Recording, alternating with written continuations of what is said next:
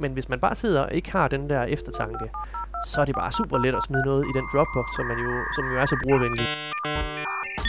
Velkommen til IT Sikkerhed med Cyberpilot. Værterne er Rasmus Vinge og Frederik Nielsen.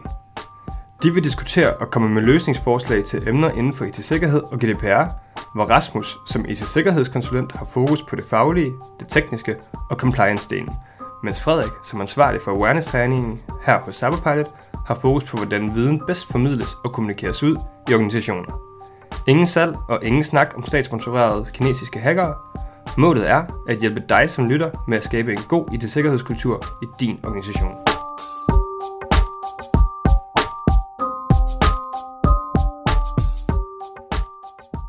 Hej Frederik, Hej Rasmus. og velkommen igen igen. Tak, og i lige måde. Tak. Øhm, I dag skal vi prøve at snakke om hele det her øh, fænomen cloud. Øh, forstår brugerne, hvor de gemmer?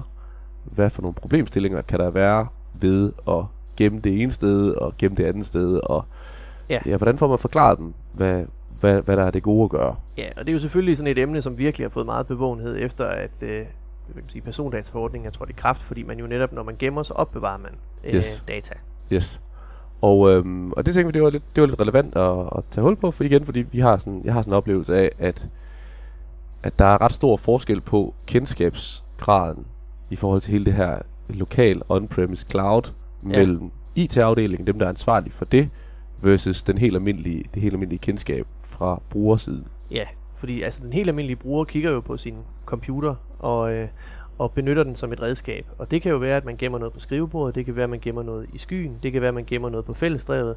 Øh, mange vil jo have oplevelsen af, at de faktisk gemmer noget på computeren, og så klarer computeren resten med at sørge for, at det så også bliver sendt de rigtige steder hen. Men det er hele det her med at forstå, at din computer rækker ud i verden, øh, og kan gemme ting andre steder, end, end man lige umiddelbart tænker over. Ja, og, og lige så meget det der med, at den enkelte bruger jo gør alle de her ting, men i nok i meget lille grad er opmærksom på, når det ene sker, og når det andet sker. Ja.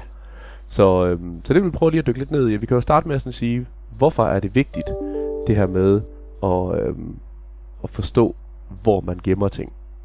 Ja, det er jo af den simple årsag, at det øh, i persondataforordningen er et øh, krav, at man har en, man sige, man ved, hvor det er, man gemmer tingene, hvor længe man gemmer dem, øh, og man opbevarer dem sikkert. Øhm, og der kan man lige knytte det der med at sige, der er jo hele den her problemstilling omkring, at man skal, hvis man bruger øh, databehandlere, jamen så, så er der et aftaleforhold, der skal være på plads der.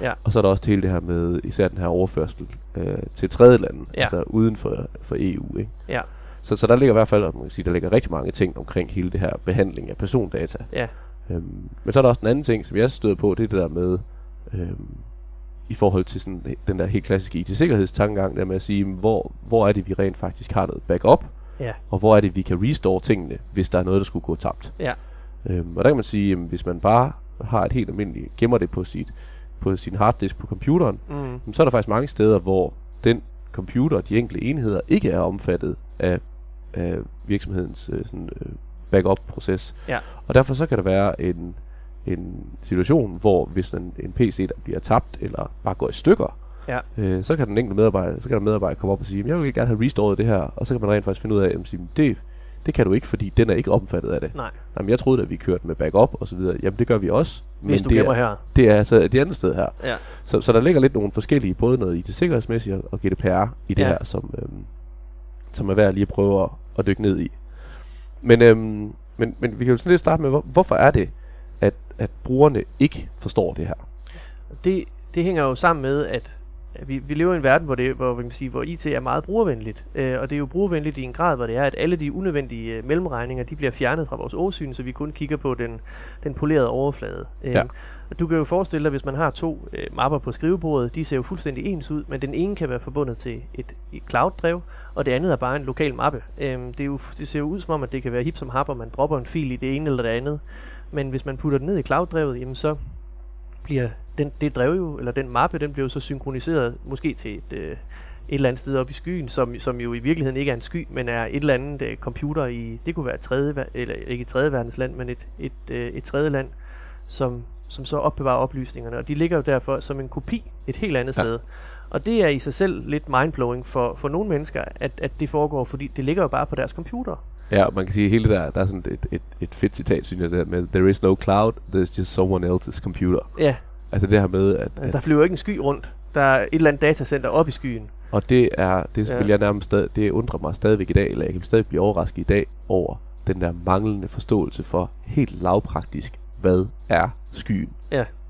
Altså det der med, det kan godt være, at man som IT-ansvarlig tænker, jamen det er jo helt naturligt, at det må man jo vide, at det er datacenter, at det er nogle server osv. Ja.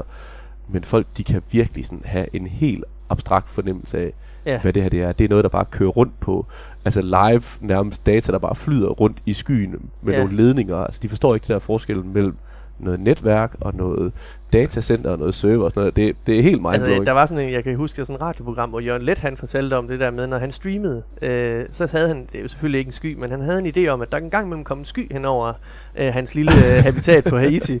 Og så kunne han jo, hvis han, hvis han var heldig at være under skyen, mens han havde lyst til at se en film, så kunne han jo trække den ned, og så, altså det var hans, han vidste godt, det var forkert, da han sagde det, men altså han vidste ikke, hvad der, hvad der egentlig foregik, så det var hans umiddelbare forestilling, han gav udtryk for. Præcis, og det er jo tilbage til det, du siger der, ikke? med, at det bliver bare så, altså, det bliver bare så brugervenligt. Ja. Og man har som bruger nok reelt ikke nogen chance for at vide, om den applikation, det man sidder og laver, om det foregår øh, lokalt på ens Nej. PC, om det foregår sådan on-premise, enten i nogle server, som man har til at stå nede i kælderen, eller nogle server, som, øh, altså man har til at stå på en af virksomhedens andre lokationer, eller det er den her øh, cloud, hvor det så enten kan være et datacenter, som ligger I Frankfurt, øh, øh, eller et i Uruguay. Eller, ja, fuldstændig, øh, fuldstændig umuligt at se, fordi det er Ja. alt er så brugervenligt, alt går så hurtigt. Øhm, Så, så den del har, kan man sige, at brugervenligheden lidt har sejret sig til døde, fordi at det har også gjort, at vi ikke forstår nogle bestemte ting. Præcis. Fordi går 20 år tilbage, så var tingene lidt mere øh, sort-hvide skærm i, øh, i DOS, og det hele det var sådan lidt... Der Ja, lå, jeg ved, jeg- men der lå tingene, ikke? kunne man trække disketten ud, og så ved Ja. jeg, det er her, jeg har det her. Ja, Øhm, så, så det er jo klart, at den her, den her ekstrem øh, tilgængelighed, øh, som clouden jo tilbyder, gør også bare, at, at data bare bliver spredt. mm, Øhm, og det synes jeg bare er, er super interessant, det der med, hvordan er det så, man får det, hvordan får man det forklaret til nogle brugere, fordi hvad er det egentlig, de skal vide i den her proces, Ja. og hvor, hvor, er, hvor meget skal de vide, før at, man, at de begynder at, at, at håndtere de her ting fornuftigt. ja. Fordi de kommer jo aldrig til at få den fulde forståelse for, hvilke systemer, der ligger på hvilke server, på, øh, i hvilke lokationer. Nej, det er jo, så er vi jo helt nede i sådan noget IT-arkitektur, hvor det er, altså det, der, det er for bredt til at, at tage med, ikke? Men, men, men altså man kan sige, altså spørgsmålet er også, om der på en eller anden måde er en eller anden øh, helstøbt løsning, som man bare kan sætte i værk, og det er der nok ikke, fordi det vil jo altid være afhængigt af, hvordan det er, man gør tingene hos sig. Ja. Øh, så det handler om, at man, man, man har styr på, øh, jamen, hvordan er det egentlig? Hvad er det egentlig for nogle systemer? Det har man jo i kraft af også sine databehandleraftaler og alt sådan noget, så det har man gjort sig klart. Men at man også får for, for, formidlet det ud i organisationen, at det er altså de her steder, som de her ting må gemmes. Ja. Øhm, og så er der den der med at få den grundlæggende kendskab, altså simpelthen prøve at se, om man kan få skabt noget opmærksomhed omkring, hvordan er det egentlig, det fungerer.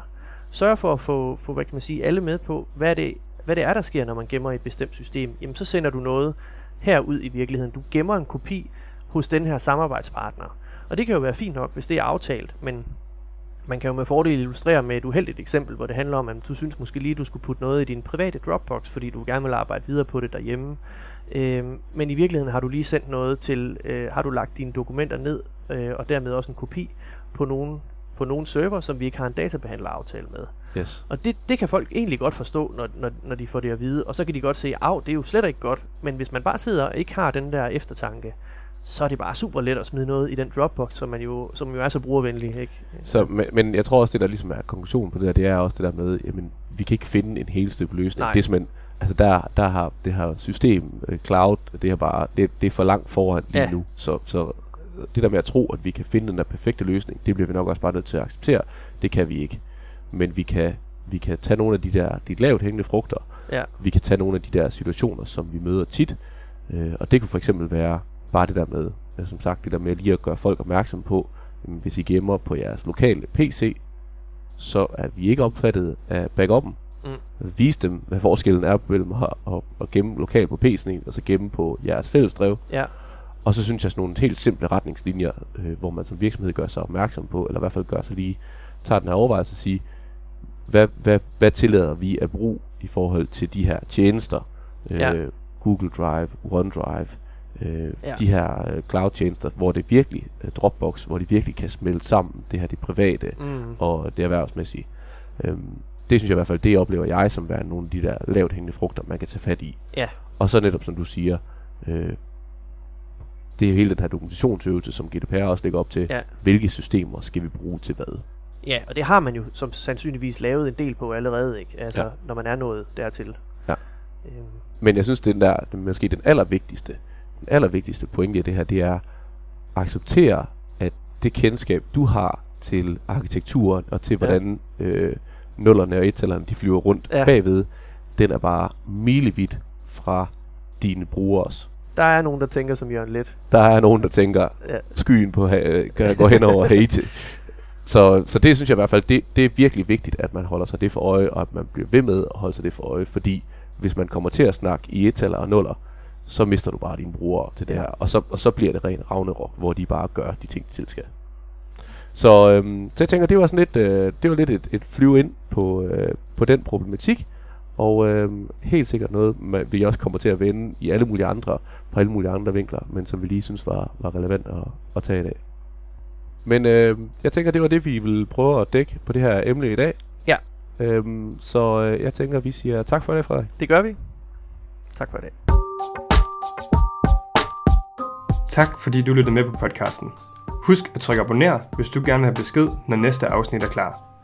Du kan også tilmelde dig vores nyhedsbrev på vores hjemmeside. Her vil vi løbende komme med opdateringer. Hvis du har kommentarer, input eller idéer til podcasten, så skriv til os på info